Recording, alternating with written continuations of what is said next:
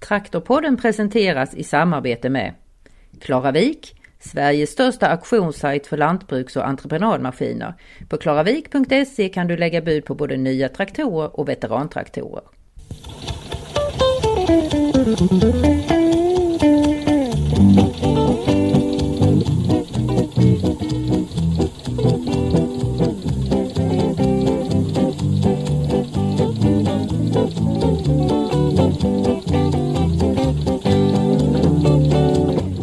Och välkommen till Traktorpodden. Det här är podden som bara handlar om veterantraktorer och det kan bli hur nördigt som helst. Som vanligt hör du här Lars Wernersson. Och Helena Wenström förstås. Ja, nu är vi tillbaka igen efter en rätt märklig säsong, nästan helt utan några evenemang. Men det finns några undantag och ett av dem ska vi återkomma till sist i det här avsnittet. Vi åkte till byn Häglinge som ligger i norra Skåne och där sockengillet paradoxalt nog ordnade sin första traktorträff medan de andra ställde in. Det blev en liten men naggande god träff. Det var en bra blandning av traktorer som dök upp och ställde sig på coronasäkert avstånd. Eh, även om det inte var så många totalt sett så blev det bra. Du ser ju ut att vara på ditt mest nördiga humör idag med din luriga uppsyn. Det passar ju bra när vi ska göra en djupdykning i motorhistorien. Vad är det du har tänkt dig? Ja, är det en komplimang eller satir att man ser nördig ut eller extra nördig? I det här fallet får man väl Ja. ta det som en komplimang. Vi ska gå tillbaka till förbränningsmotorns födelse. Då hamnar man i Deutz, en stadsdel på östra sidan om Ren i Köln i Tyskland. Aha, är det därifrån traktorn Deutz kommer också? Ja, men det är mer historiskt än så. Det var där förbränningsmotorn såg dagens ljus, eller åtminstone den praktiskt användbara fyrtaktsmotorn gjorde det. Eh, Både bensinmotorn och dieselmotorn tog liksom fart i Deutz och vi talar nu alltså om grunden för hela bilismen och hela det moderna transportväsendet och inte minst jord och skogsbruket. Häftigt, det var ju visste jag inte. Det var alltså i Deutz allting hände. Ja, men det kanske inte är så ärofullt just idag när vi håller på att göra oss fria från de fossila bränslena. Förbränningsmotorn är ju hotad och det kanske är den bortre parentesen för fossilsamhället som vi börjar skönja. Men under nästan 150 år har ju den här motortypen underlättat för oss människor. Tänk bara på följande. Världsrekordet i vetetröstning är nästan 800 ton vete på 8 timmar. Och det är ju verkligen imponerande. Men ännu mer imponerande tycker jag är att bränsleförbrukningen under det här eh, rekordet var bara 1,1 liter diesel per ton. Och det kan man ju jämföra med hur många eh, ryggar som slet ont när det slagtröskades och det kördes självbindare och det skars och bands och allt möjligt under tidigare tekniker. Men eh, stopp lite nu, du får spara en hel del till din historik. Det här låter ju visserligen superintressant men vi kan inte ta allting med en gång. Historiken alltså som jag misstänker då ska handla om Deutz. Japp, motorpionjären Deutz. Och då passar det ju perfekt att vi har träffat en man som har både kört och renoverat en Deutz-traktor. Men trots den här långa historien så verkar inte märket vara så vanligt i Sverige. På just veterantraktorträffar så kanske Deutz traktorer inte är så vanliga. Men nu ska vi i alla fall möta Ingvar Johansson i Hamneda utanför Ljungby som talar varmt om sin Deutz. Den är nästan som en familjemedlem.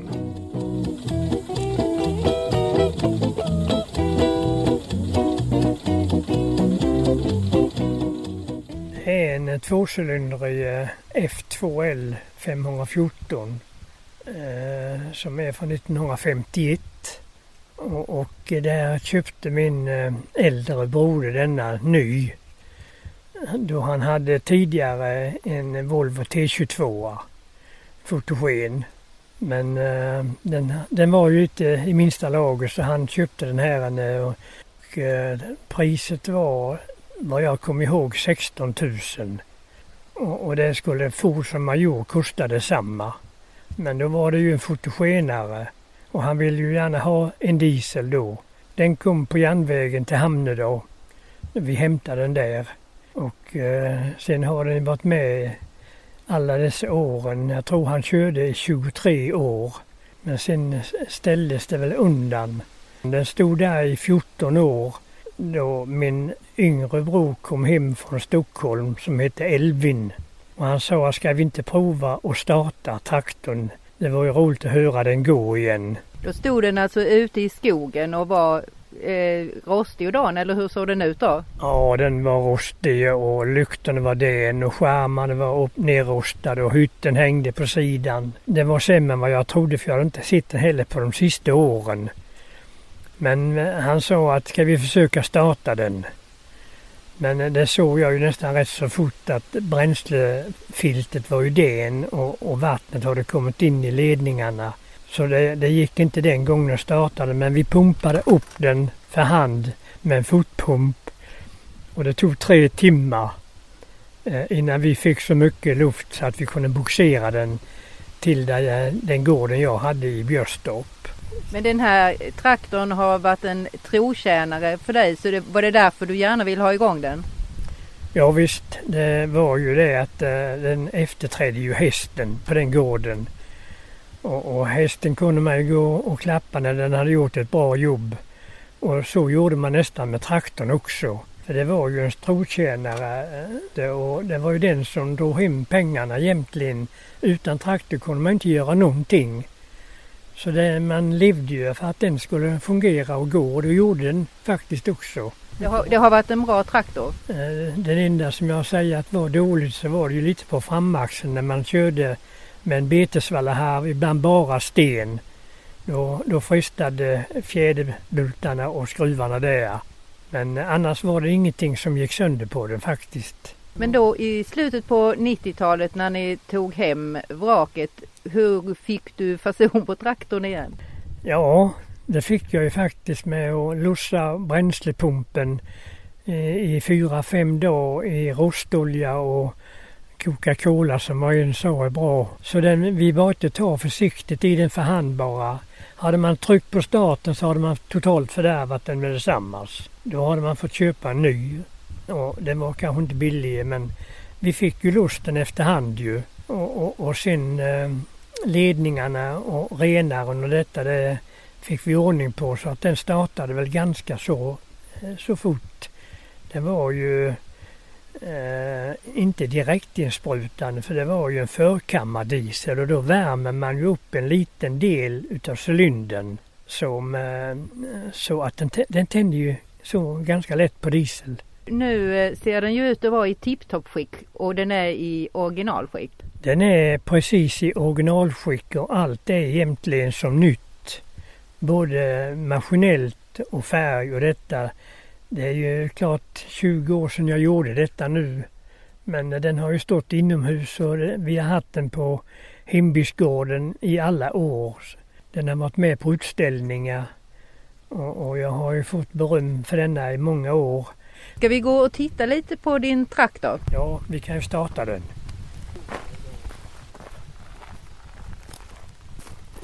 Ja, här står dina traktorer, tre traktorer uppradade, jättefina i solskenet och här har vi då Deutzen. Ja, det var detta bränslefiltret där hade ju korna stångat bort. Så det hängde ju bara i, i lösa sladdar här och vattnet hade ju fyllts upp in i. Så det var inte lönt att försöka starta den. Men, men nu ska du få höra att den går. Ja, det vill jag gärna göra. Du får kliva upp här bakifrån nu. Ja, det måste man göra.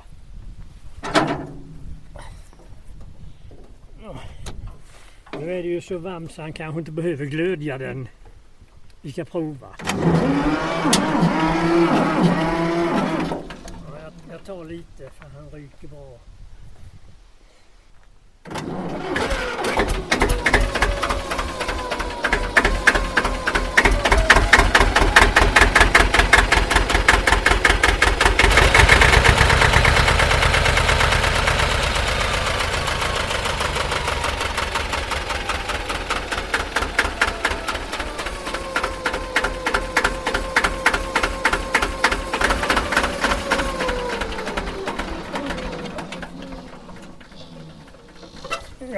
Startade, han startade som jag trodde. Det är ett härligt ljud. Ja det är det. Det är, det är nog det. Han liknar nästan Tengkulle-motoren. Men eh, nej, när den drar hårt och så, så, så smäcker den inte så hårt. Det är egentligen på tomgången som ljudet kommer som mest. när han går 2000 varv då, då jämnar det ut sig. Är det här din favorittraktor? Ja, det är det egentligen. Det är det, det största minnet jag har så är det, är det denna traktorn egentligen. Den man körde när man var 16-17 år och, och har sett den nu i hur många år det bara blir framåt. Det är ju 60-70 år snart.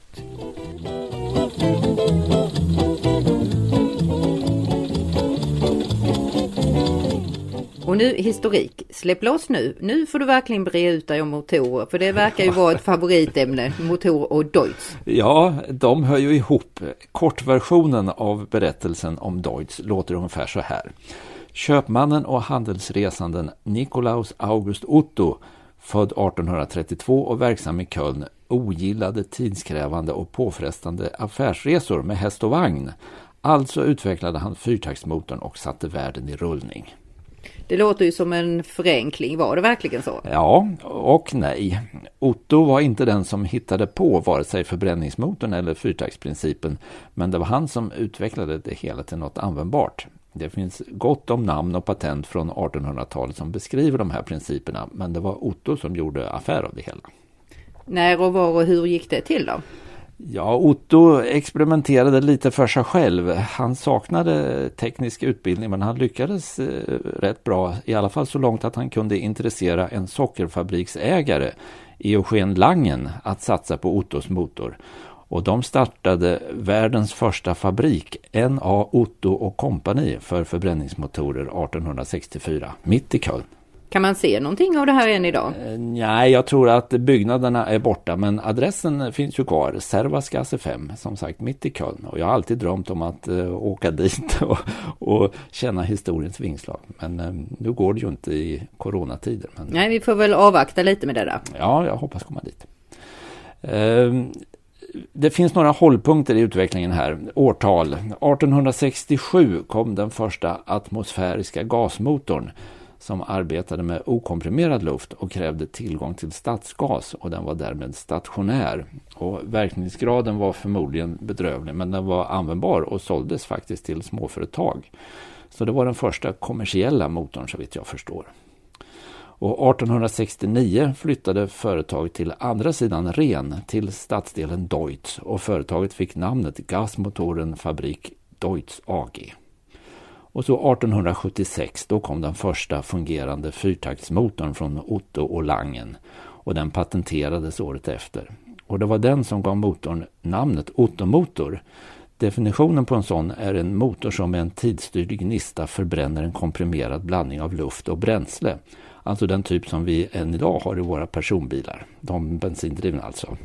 Och jag som trodde att Deutz var synonymt med dieselmotorer. Ja, det stämmer. Det är lite kul att företag som gav upphov till bensinmotorn rätt snabbt blev stora på dieselmotorer. För så var det. Rudolf Diesel fick patent på sin motor 1892.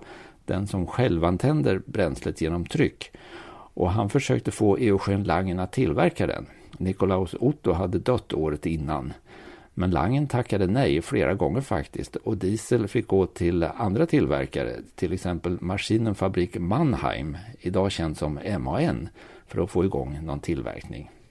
Men Langen gav med sig eh, till sist och 1897 började Deutz tillverka dieslar på licens. Och när Rudolf Diesels patent gick ut 1907 var Deutz redan en stor tillverkare och nu tog det fart. Dieslarna utvecklades med förkammare till exempel så de blev mer lätthanterliga och här spelade Deutz en viktig roll. Och resten är kanske historia då som det brukar heta? ja, ja, Deutz växte och frodades. 1921 ändrades namnet till Motorenfabrik Deutz AG och under 30-talet så fusionerade företag hejvilt så då bildades Klöckner Humboldt Deutz, KHD som man ibland hör när man snackar Deutz. Och på 30-talet slog också Deutz igenom som traktortillverkare med en modell som hette F1M 414. Den kallades Elfer Deutz för den hade 11 hästkrafter. Och 19 000 sådana tillverkades mellan 1936 och 51. På 50-talet så satsade Deutz också på luftkylda eh, traktormotorer. Och det var ju praktiskt. Skulle man ha en eh, större och starkare motor så var det bara att bulta på ytterligare en kylflänsförsedd cylinder så att säga. När kom märket till Sverige? Eh, vet inte exakt, men sedan början av 50-talet så har det funnits en svensk importör och traktorerna har emellanåt sålts rätt bra. Och hemma i Tyskland har ju Deutz firat stora framgångar. Eh, 1968 kom till exempel de direktinsprutade traktorerna med modellbeteckningar som slutar på 06 och de blev riktiga storsäljare. Och de avlöstes på 80-talet av DX-traktorerna som också var framgångsrika. På 90-talet gick det dock sämre så pass att Deutz sålde av traktorerna och skördetröskorna och fortsatte enbart med dieselmotorerna. Och traktorerna gick till italienska Same 1995 och då bildades alltså Same Deutz Fahr. Och samtidigt lanserades Deutz Agrotron, nya fina eh, moderna traktorer med vätskekylning nu. Och idag tillverkas Deutz-traktorerna i Lauingen i Bayern i en ny traktorfabrik. Nu är vi ju nästan framme i helt modern tid, men jag gissar att det finns rätt mycket mer i historien om man vill ja. gräva. oh ja, berättelsen om förbränningsmotorn och Deutz innehåller så många roligheter för oss nördar. Eh, till exempel det här att några av bilvärldens stora namn gjorde sina lärospån hos Deutz. Eh, Gottlieb Daimler och Wilhelm Maybach gjorde Ottomotorn mer mobil, alltså lättare att montera i fordon. De här första motorerna var i första hand avsedda att driva maskiner i industrier. Eh, och den store Ettore Bugatti jobbade också på Deutz. Han hade uppdraget att konstruera en personbil, vilket han gjorde. En raffinerad sak med överliggande kamaxel. Oberliggande Nockenwellen. Eh, just så heter det på tyska. Men det här med Deutz och bilar det blev eh, ganska kortvarigt. Så Bugatti slutade och startade eget. Och det blev en fantastisk framgång. Bugatti är ju ett väldigt känt och berömt märke. Och en annan historia är ju eh, den om Robert Bosch. Känner du till honom? Du hade säkert en cykel när du var liten där det stod Robert Bosch på lampan där fram. Det hade jag kanske fast det kommer inte jag ihåg. Jag tänker mer på kylskåp. Ja, just det. Eh, Robert Bosch upptäckte att Otto inte hade patentsökt tändsystemet. Så det gjorde han istället. Och det var ju också med känt resultat. Bosch är ju ett jätteföretag idag eh, inom fordonsbranschen och traktorbranschen inte minst. Tänk bara på elhydrauliken. Det är ju Bosch som tillverkar de prylarna. Finns det fler intressanta sidospår? Oh ja, oh ja. Det är ju det här med domkyrkan i Köln. Den blev klar 1880, några år efter Ottomotorn alltså. Och när kyrkan stod där så kostade man på sig fasadbelysning. Generatorn drevs av Ottos tvåcylindriga gasmotor typ F. Så han fick nog aldrig göra några affärsresor med bil men han kunde i alla fall glädja sig åt att han kunde se domkyrkan flöda ljus. Ja, ett annat sidospår är ju vad som hände i USA eh, i mer modern tid. På 1980-talet så försökte Deutsche sig på en satsning där men den slog fel. Med följd att eh, några höjdare i det amerikanska bolaget köpte loss verksamheten. Och det är alltså grunden till det som idag heter Agco, en av de stora tillverkarna av Massey Ferguson, Walter och Fenn till exempel. Men det är en annan historia. Allt tycks ju hänga ihop, men vi får väl återkomma till det. Det har vi nog anledning till. ja, oh ja. Och sen är det ju mysteriet med Rudolf Diesel. Vad hände med honom? Han försvann i Engelska kanalen 1913 när han skulle åka färja från Antwerpen. Vad hände där egentligen? Det vet man alltså inte, han bara nej, försvann? Nej, ett mysterium. Har du en favoritmotor? Oh, det är svårt att välja. Ehm, jag är ju också motorsportnörd så de jag kommer först att tänka på är kanske något från motorsportens värld. Cosworths Formel 1-motor från 70-talet till exempel. Den är intressant ur många aspekter tycker jag. Och favoriten när det gäller ljudet är Mazdas fyrskiviga vankelmotor.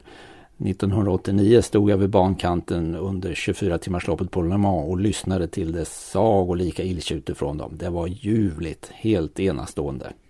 Du själv då, har du någon favoritmotor? Oj då, där eh, ställde du mig lite, det har jag inte funderat på. Jag tänker ju kanske inte så mycket då på Formel 1 utan snarare på motorcyklar och eh, det härliga ljudet av en tvåcylindrig Ducati-motor som kommer förbi. Så då får jag väl eh, välja Ducatis V-twin. Ja, det kan du göra. Du har ju haft några sådana. Eh, ja, men det platsar väl inte precis i den här podden. Pratar med motorer så platsar mycket. Okej. Okay. ja, mer om eh, motorns historia kan du läsa i traktor nummer 7 som finns i butiken och i webbshoppen på www.traktor.se den 13 oktober.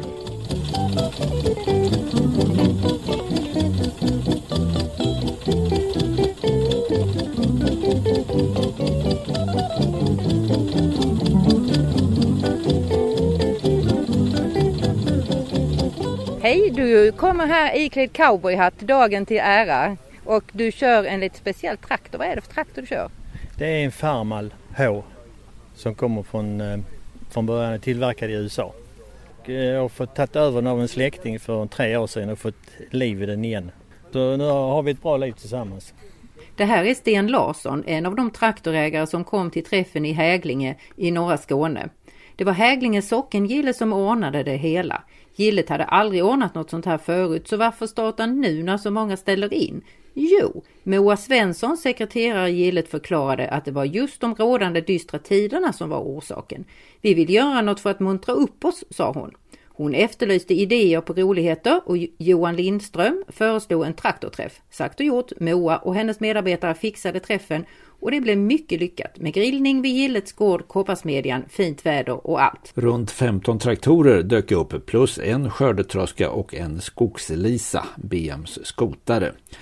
Och Johan fick tillfälle att lufta sin mäktiga Volvo BM 814 också. Eh, men nu låter vi Sten Larsson berätta mer om sin Farmal H. Det här är en ganska tidig traktor av den här modellen, eller hur? Ja faktiskt. Eh, eh, vad jag har sett och enligt chassinummer och allting så är det 1939. Och de tillverkas mellan 39 och 53. Så den är till och med ovanlig i USA. Du har inte gjort så mycket vid den när du har eh, fått igång den? Nej, det jag har gjort är eh, ja, givetvis bytt oljan och kollat vatten och sånt. Sen har ju då magnettändning i körnapp. Han har fixat till magneten.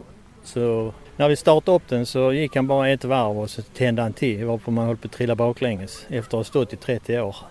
Den var ju utrustad från början med järnhjul och sen så när de fick, skulle sätta på gummihjul på dem så skar de ju väck och gjorde egna konstruktioner på hjul och sånt som inte alls blir riktigt lyckat alla gånger. Så det jag har fått gjort med den det är att jag i Danmark uppe på ett museum längst upp på Jylland där hittade jag originalfälgarna i fjol där bak.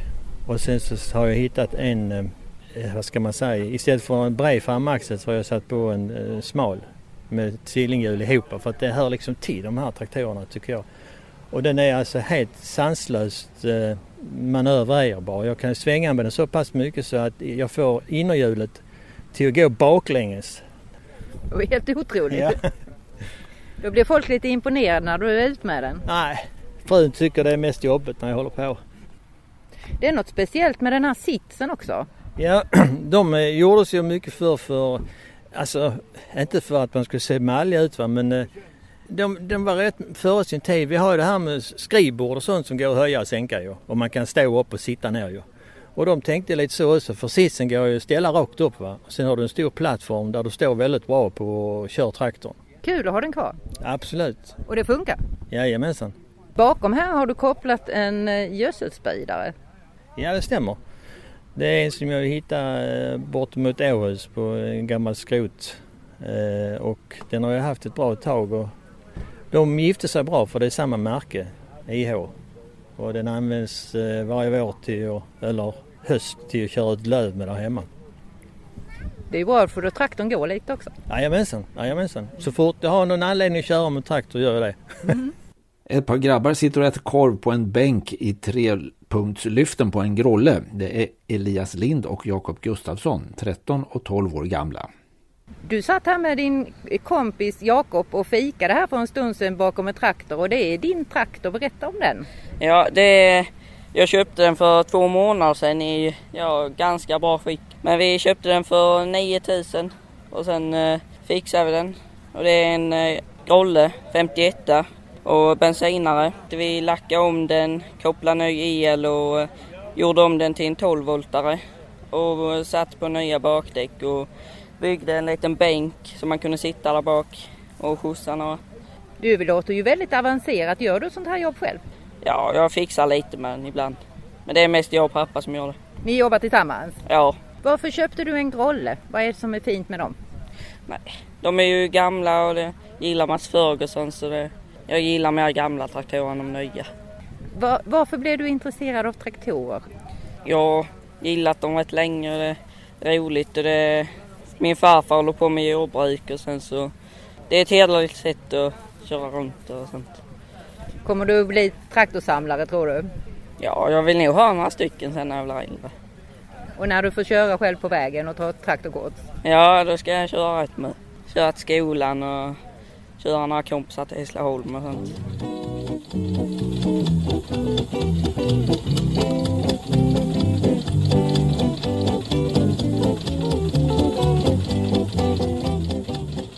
Och det här var allt för den här gången. Det här avsnittet av Traktorpodden presenteras i samarbete med Klaravik, Sveriges största auktionssajt för lantbruks och entreprenadmaskiner.